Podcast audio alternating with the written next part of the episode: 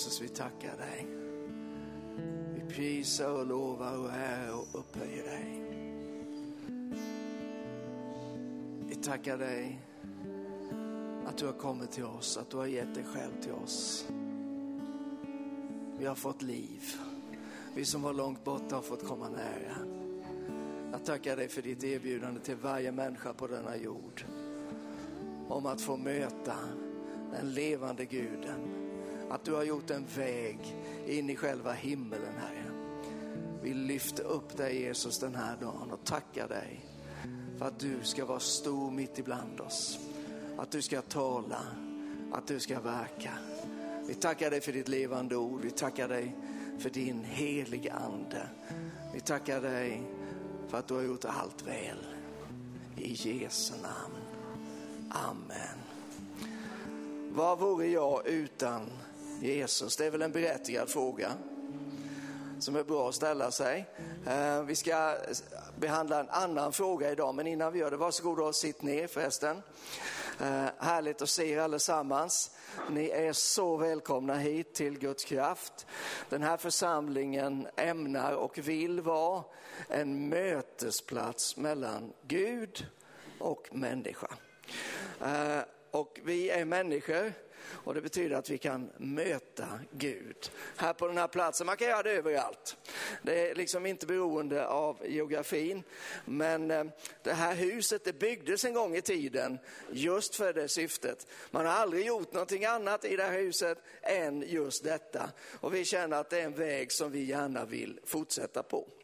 Men innan vi öppnar Bibeln idag, för att det är ju ett sätt att möta Gud, så skulle jag bara vilja eh, påpeka detta som de flesta redan känner till att nu börjar semestern och sina ut för de flesta av oss.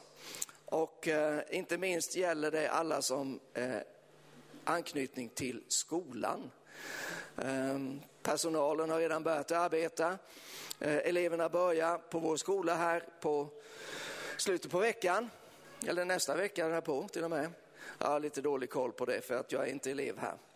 Men eh, jag skulle bara vilja eh, säga någonting om vår skola specifikt eh, och att vi ber tillsammans för det läsår som ligger framför.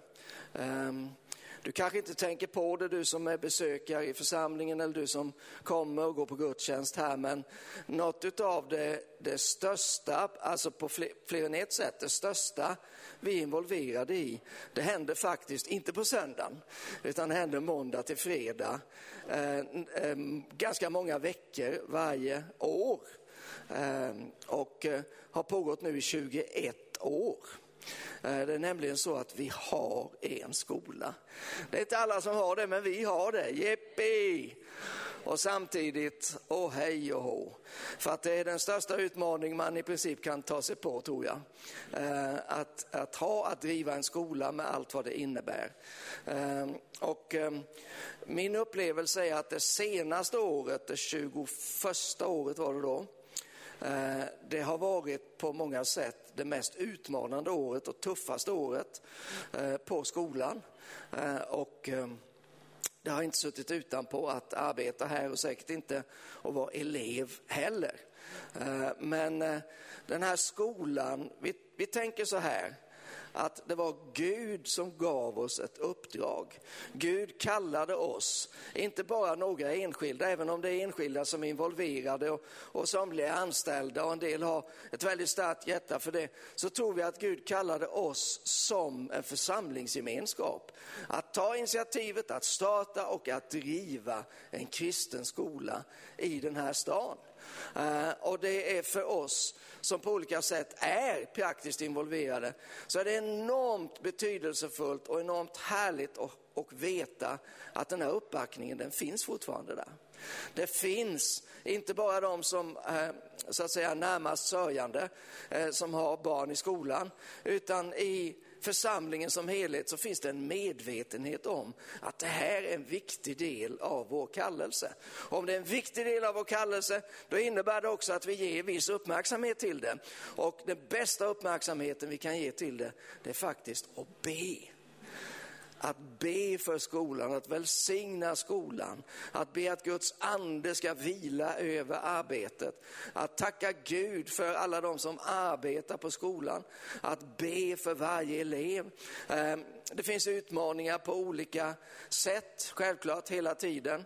Inte minst har barnen som kommer till skolan, de har massor av olika utmaningar. Därför att samhället runt omkring barnen, det är inte gjort för barnen, det hjälper inte barnen. I många fall så ställer det bara till det för barnen. Eh, och skolan har mänskligt sett en ganska omöjlig uppgift. Men Gud, har vi på vår sida. Och vi tror honom om hans hjälp i detta. Vi tror att vi kan göra ett fantastiskt bra arbete och att vi kan hjälpa varje enskild unge och ungdom att eh, bli det som Gud har tänkt med deras liv. Det är vårt mål. Så därför så skulle jag vilja att vi ber nu för skolan. Eh, är det okej okay om vi står upp lite till? Jag vet att det är varmare högre upp, värmen stiger uppåt. Men sen får du sätta dig så tar jag all värmen själv här uppe. Det är okej okay, va? Är inte det? Nej. Men vi ber i alla fall. Halleluja, Herre, vi tackar dig för att du har kallat oss för en tid som denna. Eh, du har ställt oss här mitt i de omständigheter som försöker att råda och så har du sagt att vi ska råda. Du har gett oss här en utrustning, du har gett oss möjligheten som inte alla har, men du har gett oss möjligheten att ta hand om barn och unga, att göra det på daglig basis, basis under, under hela tio år, Herre. Och vi tackar dig, Herre, att vi får vända oss till dig och be om din hjälp och be om din nåd och be om din smörjelse. Vi ber Herre för det läsår som ligger framför Sävsjö kristna skola. Vi tackar dig Gud att det finns planer som är uppskrivna i dina böcker Herre. Det finns drömmar för varje enskild barn och ungdom Herre, som du har i ditt hjärta. Och vi ber Herre att vi ska få vara dina redskap, att personalen ska få vara och klasskompisar och så vidare ska få vara det som leder framåt, det som leder in i Herre, dina drömmar, dina tankar, dina vägar Herre. Och vi ber särskilt Herre för var och en som arbetar på skolan. Vi ber Herre att himlen ska vara öppen över dem så att det strömmar ner Herre allt det de behöver. All glädje, all inspiration, all vishet, all nåd, all smörjelse Herre. All kreativitet Herre. Allt som de behöver Herre. Vi utber oss det utav dig Herre. Och vi ber Herre för det som ännu inte har fallit på plats, för så är det alltid varje läsår. Så tackar vi dig Gud att du är vår försörjare. Du är den som förser oss med allt vad vi behöver. Du är den som förser oss med den rätta personalen Herre. Du är den som förser oss med, med elever Herre som passar in i elevgrupperna. Halleluja, så att allt blir effektivt, så att allting kan fungera. Du är den som förser oss med utrustning, med lokaler Herre, med en framtid. Vi tackar dig Gud för det. Välsignelse över Sävsjö kristna skola. Välsignelse över varje elev. Välsignelse över var och en som arbetar i skolan. Vi tackar dig Gud. Vi tackar dig Gud att vi får stå tillsammans, att vi får göra detta som en del av, av din kropp Herre. Att vi får stå upp i den här tiden, att vi får förmedla Herre, liv och hopp och glädje och framtid till det uppväxande släktet. Vi prisar dig för det. I Jesu namn. Amen. Amen. Amen. Tack så jättemycket. Varsågod och slå dig ner. Att vi nu ber särskilt för vår skola, det betyder inte att vi tycker att de andra skolorna är, är kass eller inte är värda uppmärksamhet. Men Gud har gett oss ett särskilt ansvar för just den här skolan. Och det är vi vill, så, så bra vi bara kan, så vill vi ta det ansvaret. Och ser du någon som du vet jobbar på skolan, så passa på att krama om dem och välsigna dem och, och, och blessa dem på allt sätt du kan komma på. Och ser du någon som du tänker, ah, han eller hon kanske går på skolan, då gör du likadant. Och vet du inte om de går på skolan eller är på skolan så kan du ju fråga dem. Och träffar du någon som säger, så, så säger du, du går väl på Sävsjö kristna skola? Ja. För det är ju den bästa skolan. Så får man väl inte göra? Jo, man måste inte vara så ärkesvensk alltid. Ja, halleluja. Eh, underbart att få träffas i kyrkan. Det är som sagt var eh, ingen risk att någon fryser idag. Men eh, tack och lov att vi har fått lite sommar, eller hur? Eh, jag skulle vilja eh, ställa dig en fråga som jag också ställer mig. Eh, apropå detta med vad vore vi utan Jesus? Så har vi då en annan fråga och den är så här. Eh, vad är det som märker dig? Vad är du märkt av? Eller vem är du märkt av? Eh, och vi tar ett avstamp i, i nutiden. Därför att eh, upp till, Jörgen berörde ju detta lite grann då, va? men upp till kanske två och ett halvt år tillbaka så levde vi ett ganska eh, bra liv. Och det kändes som att ja, men det verkar som det här stämmer, det blir bara bättre och bättre. Och, och, och ja, vi får mer och mer pengar och vi får mer och mer fritid och, och det blir tryggare och tryggare och det blir nog aldrig mer något krig. Och, och nu de senaste åren så har världen nästan bokstavligt vänts upp och ner. Och det är inget som någon önskade och det var nästan ingen som förutsåg det heller skulle jag vilja säga. Inte att det skulle komma på det sätt som det kom i alla fall. Men eh, en sak som har varit bra i allt detta. Jag säger inte att det är bra, men en sak i detta som ändå har varit positivt. Det är att vi börjar komma till besinning. Att vi, till exempel vi som kristna, vi förstår att vårt bästa liv och vårt längsta liv, det är inte här på jorden. Vi lever inte för den här världen. Vi är i världen, men vi lever inte för den här världen. Och vi skulle inte heller leva av den här världen, utan vi tillhör ett annat rike. Och det är ett rike som kommer. Men någonting som det också har gjort, det är att mycket har blivit ifrågasatt som har med den yttersta tiden att göra. Och eh, jag måste verkligen säga, jag, jag tror att vi är på, med språng på väg in i det Bibeln kallar för den yttersta tiden. Men man, man får vara lite försiktig när man använder de här uttrycken. För enligt Bibeln så började den yttersta tiden för 2000 år sedan. Så att vi är i, och tittar man på, ett, jag tänker till exempel Petrus, han skriver i sitt första brev, fjärde kapitel, jag tror det sjunde versen om inte jag missminner mig, så säger han, slutet på allting är nu nära. Det var ett tag sedan. Men jag vet, jag vet inte, men jag, jag vill tänka och jag tror i, att i allt väsentligt så är det så att varje generation sen Jesus har någonstans haft med sig den medvetenheten, det är snart slut. Jag tror att det är en medvetenhet som kommer från Gud, som är nedlagd av Herren själv. Att vi ska leva med, eh, med en förvissning om att det här kommer till sitt slut. Förr eller senare. Och vi kanske har tänkt förr senare så länge att vi inte ens tänker på det. Men nu blir vi påminda om, oj oj oj, det här kommer aldrig att gå. Det är, det är liksom kört, det är kört med, nu har de börjat kriga med Europa utav alla ställen som har haft två världskrig och som borde veta bättre. Och nu är det miljö, liksom klimatkrisen, det är det torraste på 500 år och sen har vi sjukdomarna som vi inte förmådde att och stävja den här gången på det sätt som vi trodde att vi skulle kunna. Jag tänker på covid och så vidare. Och allt detta har gjort att många, även som inte är kristna, men i synnerhet vi kristna, funderar på det som Bibeln sätter under rubriken den yttersta tiden. Och här skulle jag vilja um, förhoppningsvis bringa lite klarhet eller dela lite av mina tankar kring detta.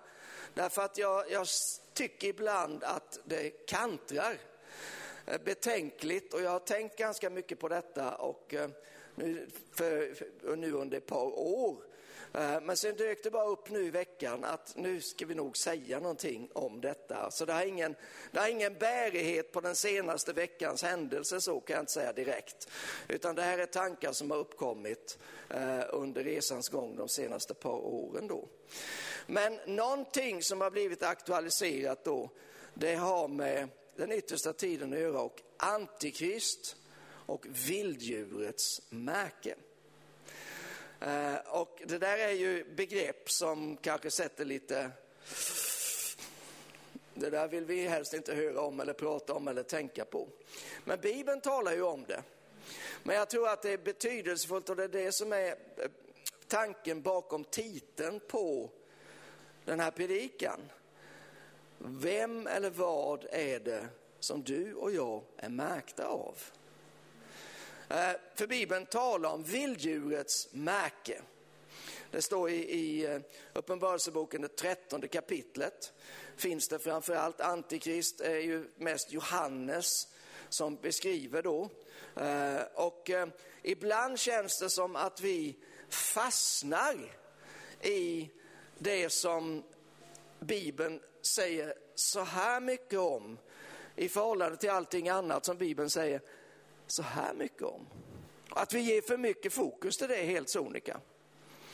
Eh, man har ju, Antikrist har ju blivit utnämnd ganska många gånger genom årtusendena. Eh, en del har varit med befog, kan man säga andra kanske lite mer långsökt.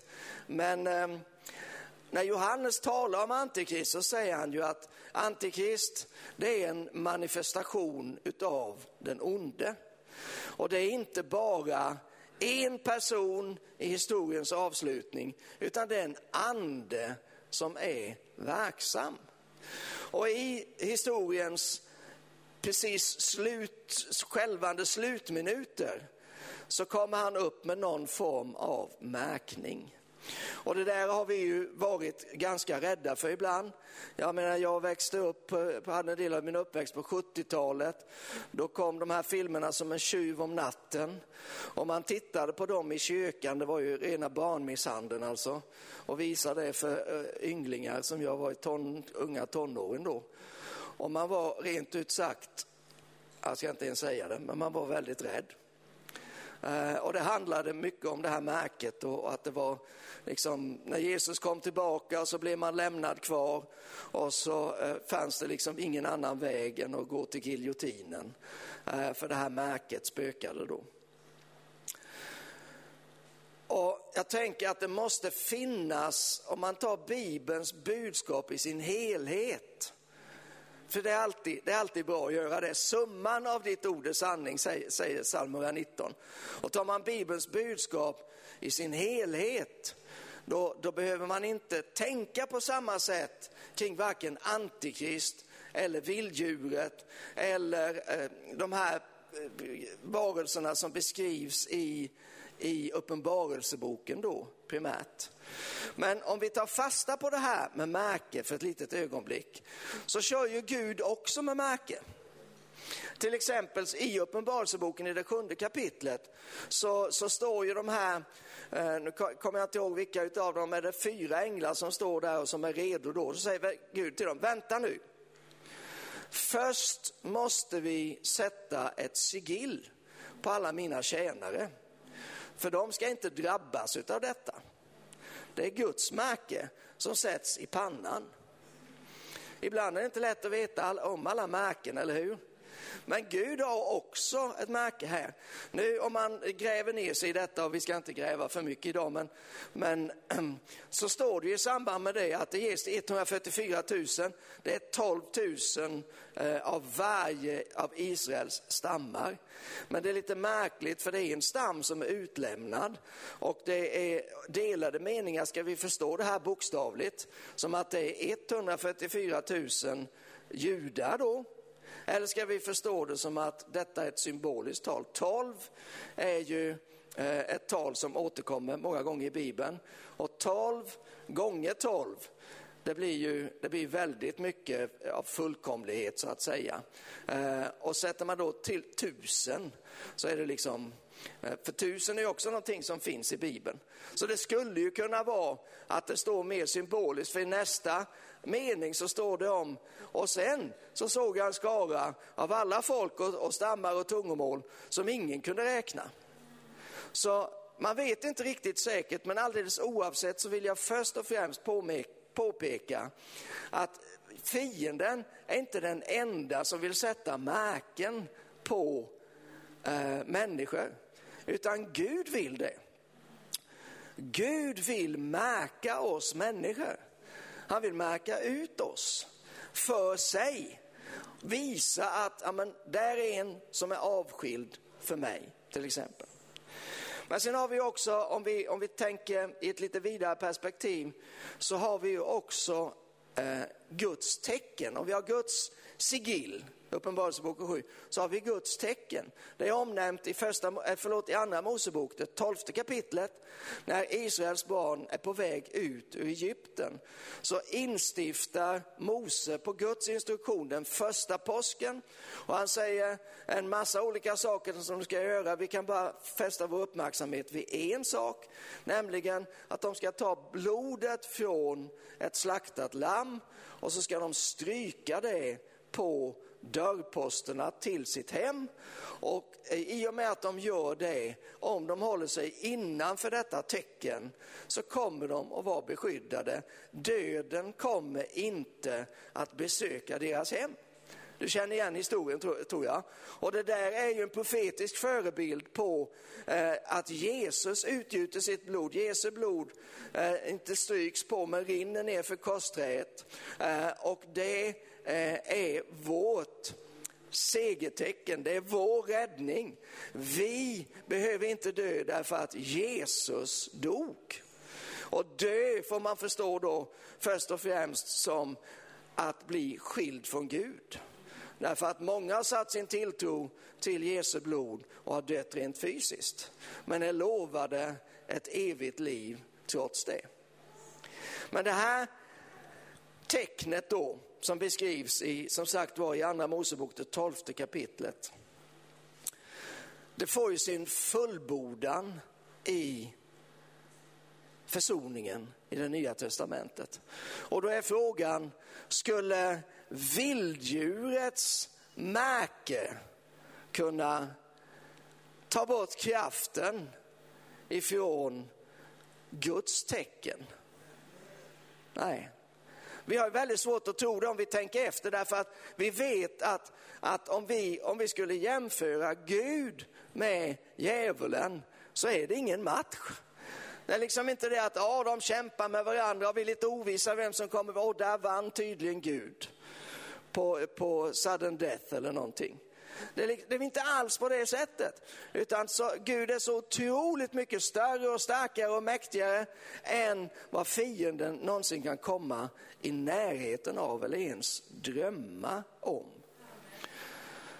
Så vi måste sätta det här perspektivet, för nu har det dykt upp en massa idéer om um, det här vilddjurets märke och att, att fienden på något sätt skulle lura på alla de kristna. Och nu senast var det, alltså var det på 80-talet så var det ju de här streckkoderna.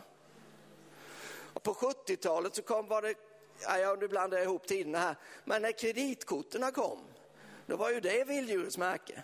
Sen var det streckkoderna, sen var det säkert någonting annat. Och nu senast har det ju varit covidvaccinet. Där är vilddjurets märke. Och där har man gått eh, till otroliga överdrifter eh, genom att tala om att eh, de har gömt mikrochip i, i vaccinet som de kan spruta in genom den här. Alltså det är inte fysiskt möjligt för det första. Och så skulle alla liksom vara körda nu. Och vad som händer då, det är ju att djävulen blir så här stor. Och Gud han är så här liten. Och djävulen lyckas lura alla Guds barn och Gud står där med skägget i brevlådan och tänker, vad inte jag tänkte på detta. Hur kunde detta ske? Och då tror jag att det är bara betydelsefullt att vi, vi, vi liksom får dra upp lite, lite perspektiv på allt detta. Därför att när vi, när vi talar om det här, vi ska gräva lite djupare i det, men när vi talar om det här så kan man se eh, två riktningar så att säga. Och den ena riktningen den har med tro att göra. Och den andra riktningen den har med fruktan att göra. Eh, och när man börjar tala om, alltså nu, nu talar jag ju idag om antikrist, jag talar om vilddjurets märke. Men jag vill att vi ska, när vi talar om det och när vi, när vi hör om det, så ska vi ta det i tro. Vi ska möta det i tro. I tron på Gud, att Gud har all makt i himlen och på jorden. Att Gud är god, att frälsningen är nog. Vi tar, möter det i det. Vi möter det inte i fruktan av att ah, jag kommer antagligen att torska dit, jag kommer nog aldrig att klara detta. För vad sätter, fruktan sätter ju fokus på mig själv, men tron sätter fokus på Gud. Fruktan sätter fokus på att det är typ omöjligt eller extremt svårt. Tro sätter på, Gud kan allt. Och då är det oerhört betydelsefullt att vi nalkas de här sakerna på ett rätt sätt. Men vi ska, vi ska prata om ett annat tecken här nu. Och då ska jag be att få öppna min lilla bibel här och läsa ifrån femte Mosebok och dess sjätte kapitel.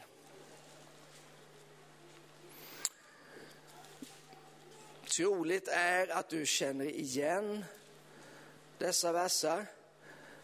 men det är absolut ingen nackdel. Det här är, eh, har rubriken Det stora budet i min bibel och det här är den judiska trosbekännelsen som det börjar med, så vi ska läsa den.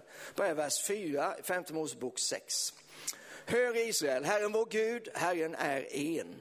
Och du ska älska Herren din Gud av hela ditt hjärta och av hela din själ och av hela din kraft. Dessa ord som jag idag befaller dig ska du lägga på hjärtat. Du ska inskärpa dem hos dina barn och tala om dem när du sitter i ditt hus och när du går på vägen, när du lägger dig och när du stiger upp. Du ska binda dem som ett tecken på din hand och de ska vara en på, som en påminnelse på din panna och du ska skriva dem på dörrposterna i ditt hus och på dina portar. Här talas det om Guds ordet som på olika sätt är tänkt att prägla människors liv. Eh, och det är också ett tecken enligt Bibeln då.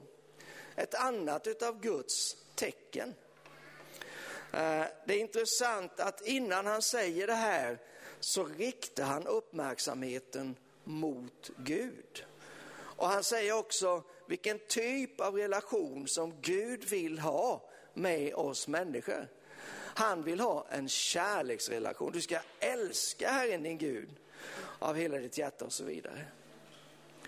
Och så talar han då om att det sitter på handen och pannan och på dörrposterna. Handen på pannan och dörrposterna. Och, är, och sen talas det om att det ska prägla när vi lägger oss, det ska prägla när vi stiger upp och så vidare. Och då, då måste vi ju ställa oss frågan, är, är vi märkta utav detta? Är det detta som präglar våra liv? Um, om vi talar, talar om sigillet, jag sa ingenting om det för jag känner att, att vi har inte tid att, att, gå för djupt in i alltihop. Men det var ju, sigillet skulle ju sättas på dem som var vitt vittnen för Gud.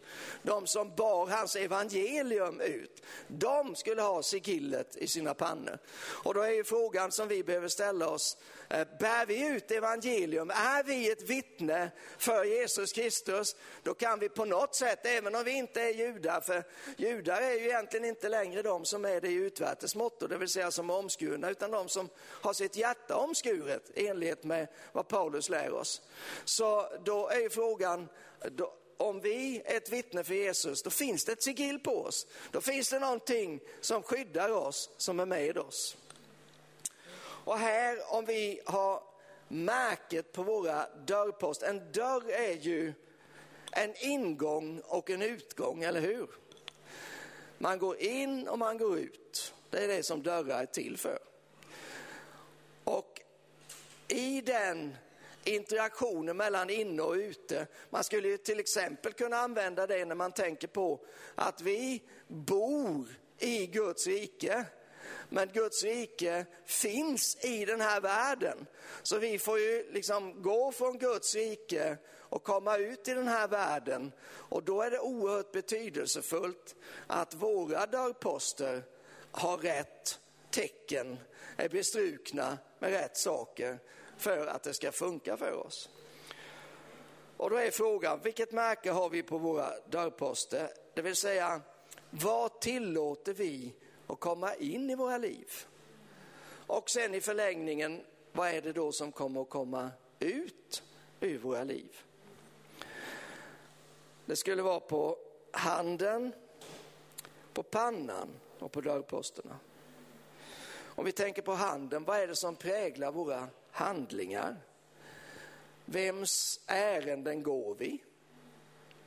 Och pannan, vilka tankar eller vems tankar är det som vi ger utrymme, som vi låter få företräde i våra liv? För tankar omsätts förr eller senare i ord, ord omsätts i handlingar, handlingar som upprepas blir vanor och vanor ja, det är egentligen det som kommer att prägla hela våra liv. Så det är så viktigt att vi låter rätt saker märka oss. Att tron har någonting att arbeta med i våra liv.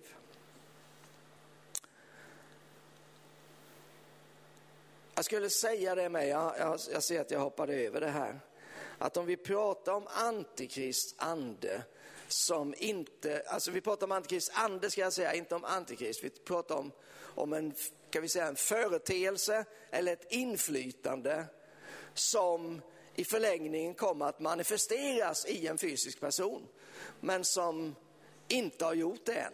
Det tror jag man kan säga. Inte fullt ut. Eh, då kan vi konstatera att den anden, den har flera namn i Bibeln. Eh, bara för att ge lite perspektiv också på detta. Johannes kallar honom i sitt första brev för villfarelsens ande. Paulus säger i Romarbrevet 12 att det är världens ande. I Efesierbrevet 2 så kallar han honom härskaren över luftens välde. Eh, och i andra Korinthierbrevet så heter han den här världens Gud, eller denna tidens Gud. Så för att försöka måla upp eh, den stora bilden igen här då, så finns det ett inflytande i den här världen som är av och från den onde och som vill påverka oss och som eh, djupast sett vill hålla oss borta från Gud. Och taktiken som används, det är lögn och lögn föder fruktan eller rädsla. Och därför är det otroligt betydelsefullt att sanningen når oss. För sanningen kan göra oss fria, eller hur? Enligt Bibeln. Och sanningen, det utgör grundvalen för att vi ska kunna tro. Och när vi tror, då kan Gud verka i våra liv. Så mitt i alltihop detta, i denna stora kosmiska fight som på ett sätt fortfarande pågår, som vi är mitt i, så är det ändå du och jag som har väldigt stor makt att bestämma åt vilket håll ska det gå. Först och främst för oss själva, för oss som individer, men också självklart för de som finns runt omkring oss, vår familj etc. Och i förlängningen också för vår omgivning eller för vårt land och så vidare.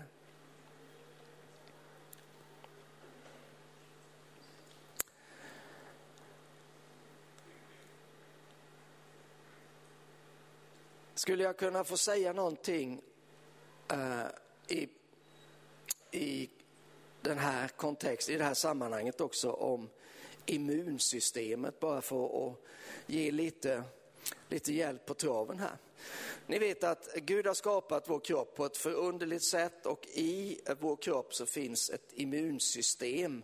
Och det är verkligen ett system, det finns så många olika beståndsdelar och funktioner som alla har uppgiften att se till att vi håller oss friska att allting fungerar, som motarbetar virus och bakterier och andra smittor och, och eh, förslitningar och smärtor och allt möjligt.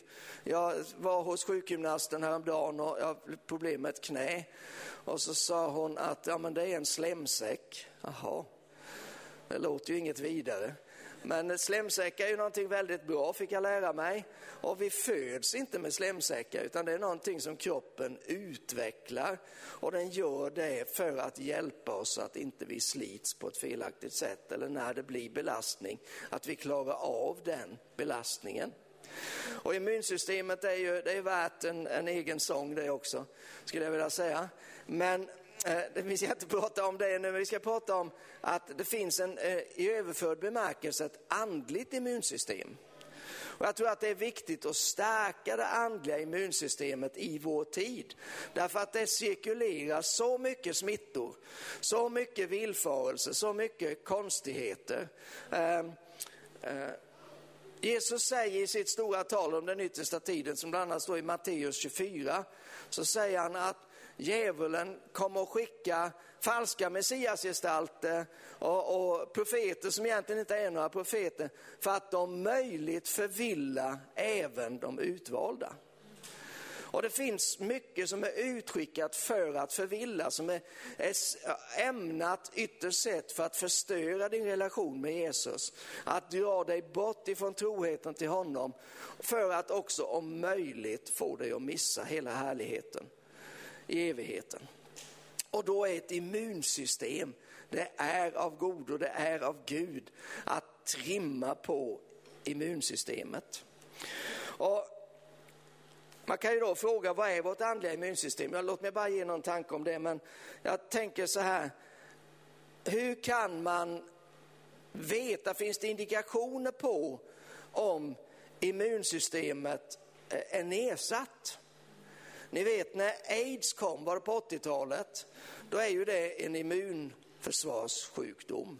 Immunförsvaret blir nedsatt och på grund av det så blir man mottaglig för en massa olika sjukdomar. Som regel, åtminstone i början, så ledde ju det till en ganska säker död. Eh, nu har man hittat bromsmediciner och, och, eh, och Gud botar alla sjukdomar och så vidare. Men, men det, den funktionen då, hur kan man då veta att vårt immun, andliga immunförsvar är nedsatt? Jo, det kan till exempel vara att man känner sig långt borta från Gud. Att man tycker att det är svårt att höra Guds röst, att man aldrig känner hans närvaro, att man inte har någon frid eller glädje eller hopp eller till, vad säger man, eh, att man inte, man är aldrig tillfreds. Eh, att man talar negativt, att man eh, anklagar människor, att man dömer människor, att man skvallrar, att man har en massa känslor som är eh, destruktiva med fruktan och, och ångest och vrede, avundsjuka, bitterhet, oförlåt. Ja, det finns ju mycket man kan räkna upp där. Eller att man eh, i sitt mående som inte är så bra så söker man efter lindring eller hjälp på alldeles fel ställe. Man söker att tillfredsställa köttet. Ehm, man, eh, man hanterar det på ett sätt som inte är andligt. Man äter för mycket, man handlar för mycket eller man svälter sig. Eller, ja, vi kan räkna upp hur mycket som helst där. Därför, om man, är, om man har sådana symptom, då är det förstås extra viktigt att bygga upp immunsystemet. Men vi tjänar alla på att ha ett starkt andligt immunförsvar. Eh, och då tänker jag några saker som man bara kan nämna här för det andliga immunförsvaret. Där ska vi sluta idag. Nummer ett måste vi tänka, vad är det som sätter ner oss? Jo, det är synden. Synden är vår största fiende. Och så fort synden får ett inflytande i våra liv så går muren ner. Försvaret dalar betänkligt. Och därför så behöver vi gå till den ende som kan bota synden. Och det är Jesus Kristus. Jesus Kristus har tagit straffet för världens synd. Han har tagit det på sig själv, han har offrat sig i vårt ställe. Han kan förlåta synd, han kan rena från synd. Att komma till honom och säga Jesus, bota mig från denna sjukdom. Jesus, gör mig fri från synden. Förlåt mig, gör mig ren. Det är det bästa man kan göra för sitt andliga eh, immunförsvar. Nummer två, ta en daglig dos utav Guds ord. Så självklart egentligen, så avgörande. Det är den bästa medicinen. Det fungerar också eh, förebyggande. Både, både när det väl har hänt någonting som man inte ville skulle hända, men framför allt tror jag att det har en väldigt bra förebyggande effekt. Och jag tänker då på ett bibelord, Ordspråksboken, det fjärde kapitlet, står så här från den tjugonde versen. Min son, ta vara på vad jag säger, vänd ditt öra till mina ord. Låt dem inte vika från din blick. Bevara dem i ditt hjärtas djup.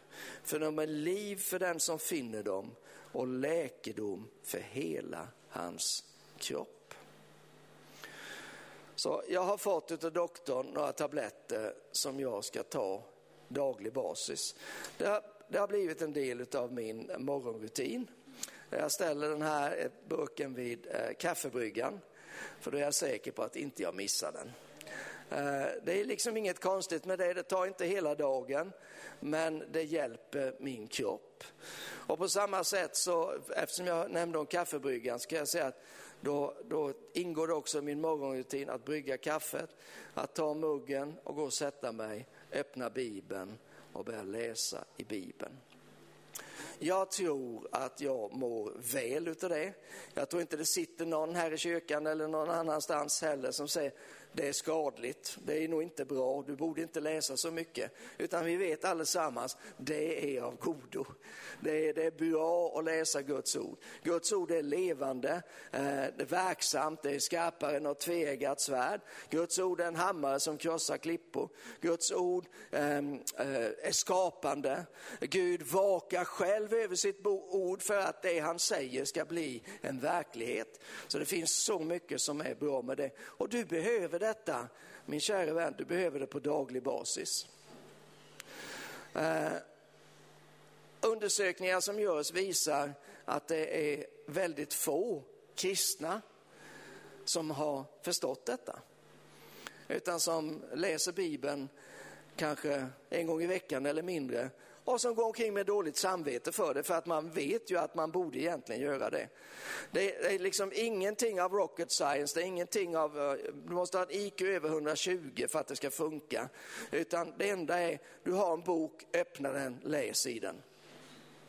Jätteenkelt egentligen. Nummer tre.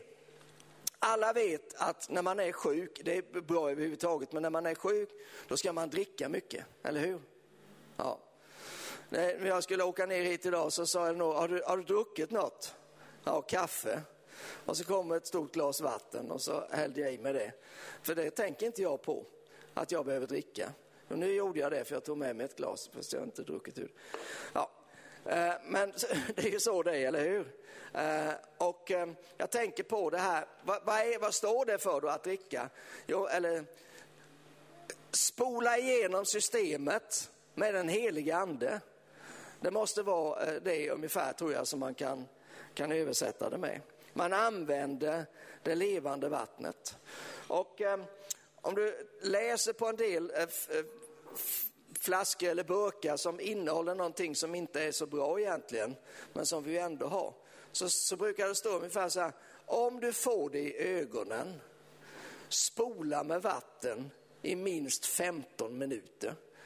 Jag har alltid reagerat på det. 15 minuter är ju en evighet om man ska stå och spola vatten i ögonen.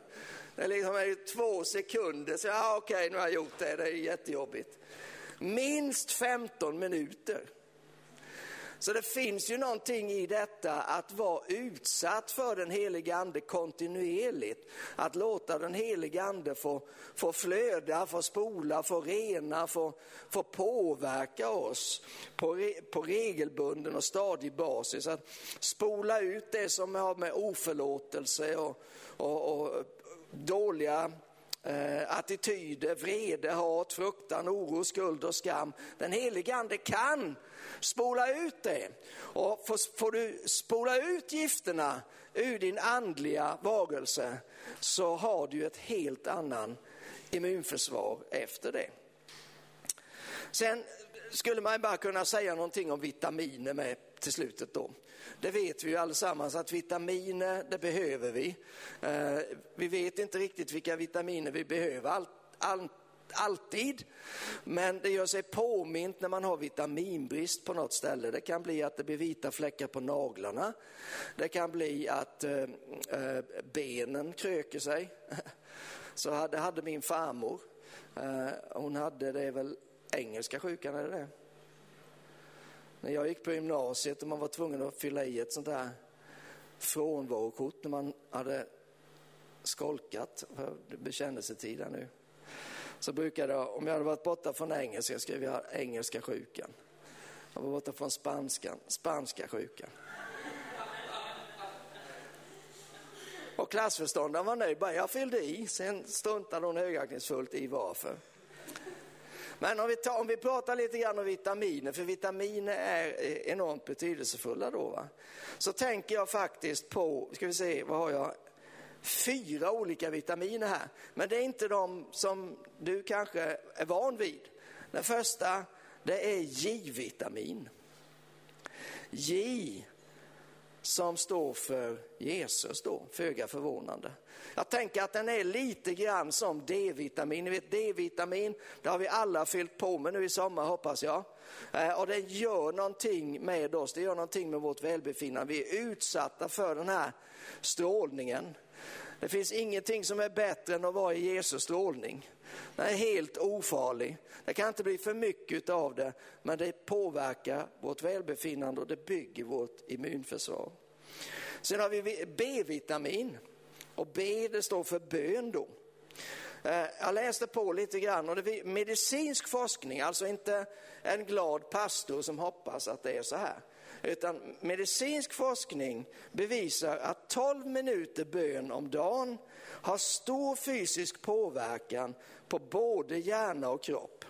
Inte minst tungotal, bön i tungotal. Så har vi en tredje vitamin, det är T-vitamin. Det är tillbedjan. Och då, samma forskning visar att när man hänger sig i lovsång och tillbedjan så lugnar det nervsystemet. Det stänger ner flykt eller fight-reflexerna. Ni vet det här som, som vi, vi har reaktioner, vi möter någonting. Antingen så vill vi fly eller också så ska vi slåss med det. Och, och, det är ju bra i vissa lägen, men inte alltid. Men det påverkas av när vi tillber. Eh, tillbedjan gör oss mindre mottagliga för negativa känslor. Det sänker blodtrycket, det ger bättre sömn, det påverkar matsmältning, andning och så vidare. Och så vidare. Tänk att andliga övningar kan ha så fysisk påverkan på oss människor. Så kom ihåg de här vitaminerna, vitamin J, vitamin B, vitamin T och sen vad, hade jag någon mer här? Nej, det var nog dem. Men man kan tillägga på den ledden då att det är väldigt bra med träning. Det vet vi. Alla vet att det är bra för kroppen att träna. Är det någon som inte håller med? Det är ingen som vågar nu. Jag skulle vilja läsa ett par verser från första Timoteusbrevet, fjärde kapitlet. Det står så här i slutet på vers 7, eller vi kan läsa vers 7. Men de gudlösa gamla myterna ska du avvisa. Träna dig istället i gudsfruktan. Fysisk träning är nyttig på sitt sätt, gudsfruktan är nyttig på allt sätt. För den har med sig löfte om liv, både för den här tiden och den kommande. Detta är ett ord att lita på och värt att tas emot av alla. Vi behöver låta våra trosmuskler arbeta. De far väl utav det, de utvecklas utav det. Och här sluter vi lite grann cirkeln när vi talar om det som försiggår runt, om oss, runt omkring oss i den här världen. Och vår respons på det, vad är det som vi tillåter att märka oss? Vad är det som vi ger vår uppmärksamhet till? Vi behöver fortsätta att tro på Gud. Det är det som är det viktiga, inte minst i den yttersta tiden. Jesus säger i Lukas, det 21 kapitlet, när allt detta börjar ske, då ska ni räta på ryggen och lyfta er blick. Inte huka inför alla besked om vilddjuret och märket och antikrist och, och, och vedermödan. Och, nej, vi är Guds barn. Vi tillhör honom. Det finns ingenting som fienden kan göra om inte vi, mot oss om inte vi börjar sätta vår tilltro, det vill säga fruktan, till vad han talar om. Men om vi fortsätter att hålla vår tro stadigt på Jesus, och vi bygger vårt andliga immunförsvar och vi är märkta med Lammets blod, om vi låter Guds ord prägla det vi gör och det vi tänker, eh, om, om vi eh, är vittnen för Gud i den här tiden, då har vi ingenting att frukta. Vi har ingenting att frukta. Och allt folket sa Amen. Amen. Nu står vi upp tillsammans. Nu har stått själv länge nog. Nu ska jag göra som jag sa i predikan, jag ska dricka lite.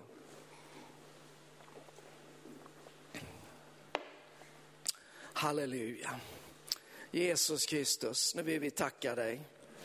Vi tackar dig att vi, vi, vi får leva i den här tiden. Hjälp oss här så att vi inte önskar oss någon annanstans och, och tänka att det var bättre någon, på något annat, någon annan tid här. Utan hjälp oss att vi lever i den här tiden, men hjälp oss att vi inte lever under.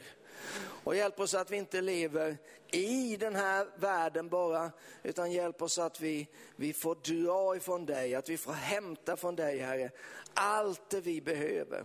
Att vi får vara de som du har tänkt att vi ska vara. Att inte det är fruktan och rädsla och oro och, och ytterst sett lögner som får prägla våra liv. Utan hjälp oss Herre, att vi är präglade utav ditt ords sanning, utav de ord som utgår ifrån din mun och som som har liv i sig, som är starkare än döden. Den som har sonen har livet Herre.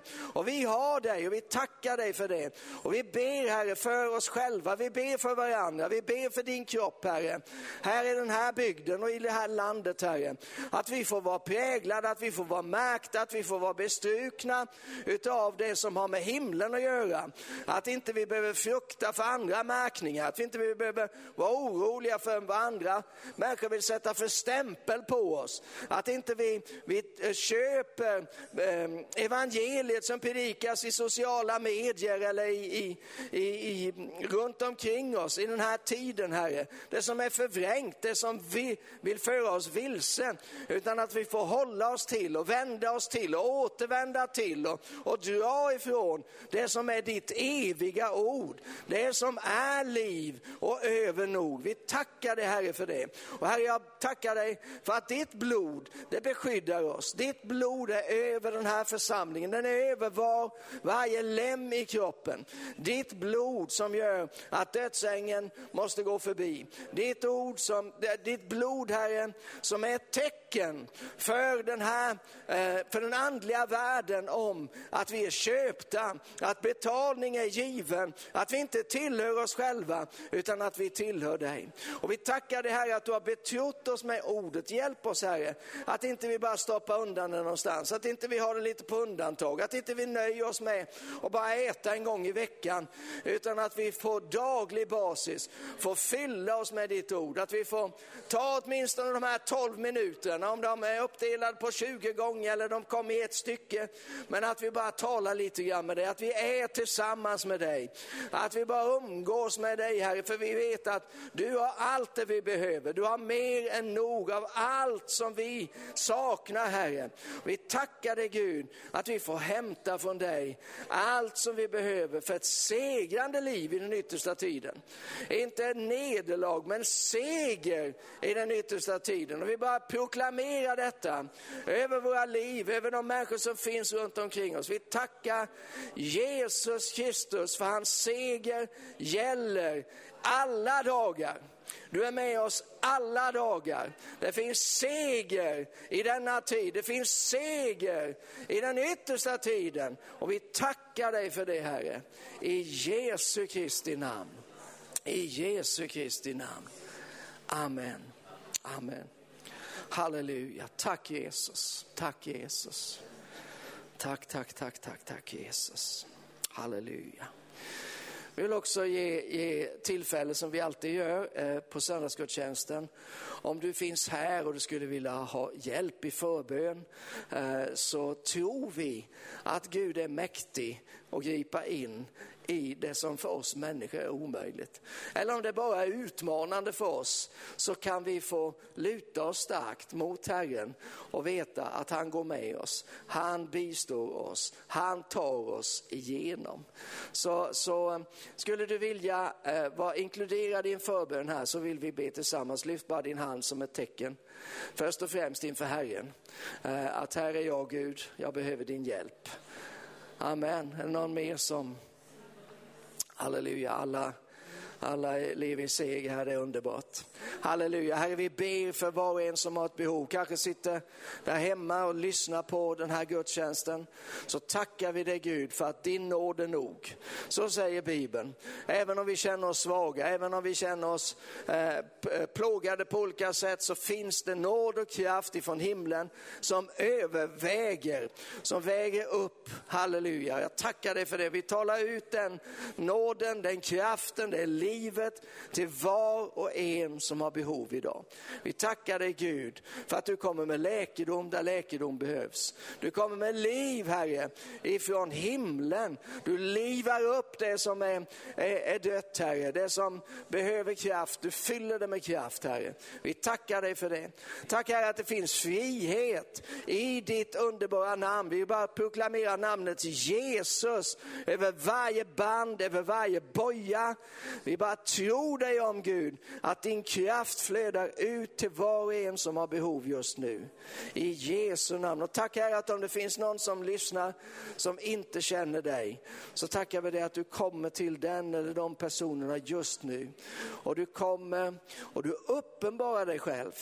Därför att det handlar inte om att förståndsmässigt ansluta sig till någonting. Det handlar om att möta en levande uppstånden frälsare.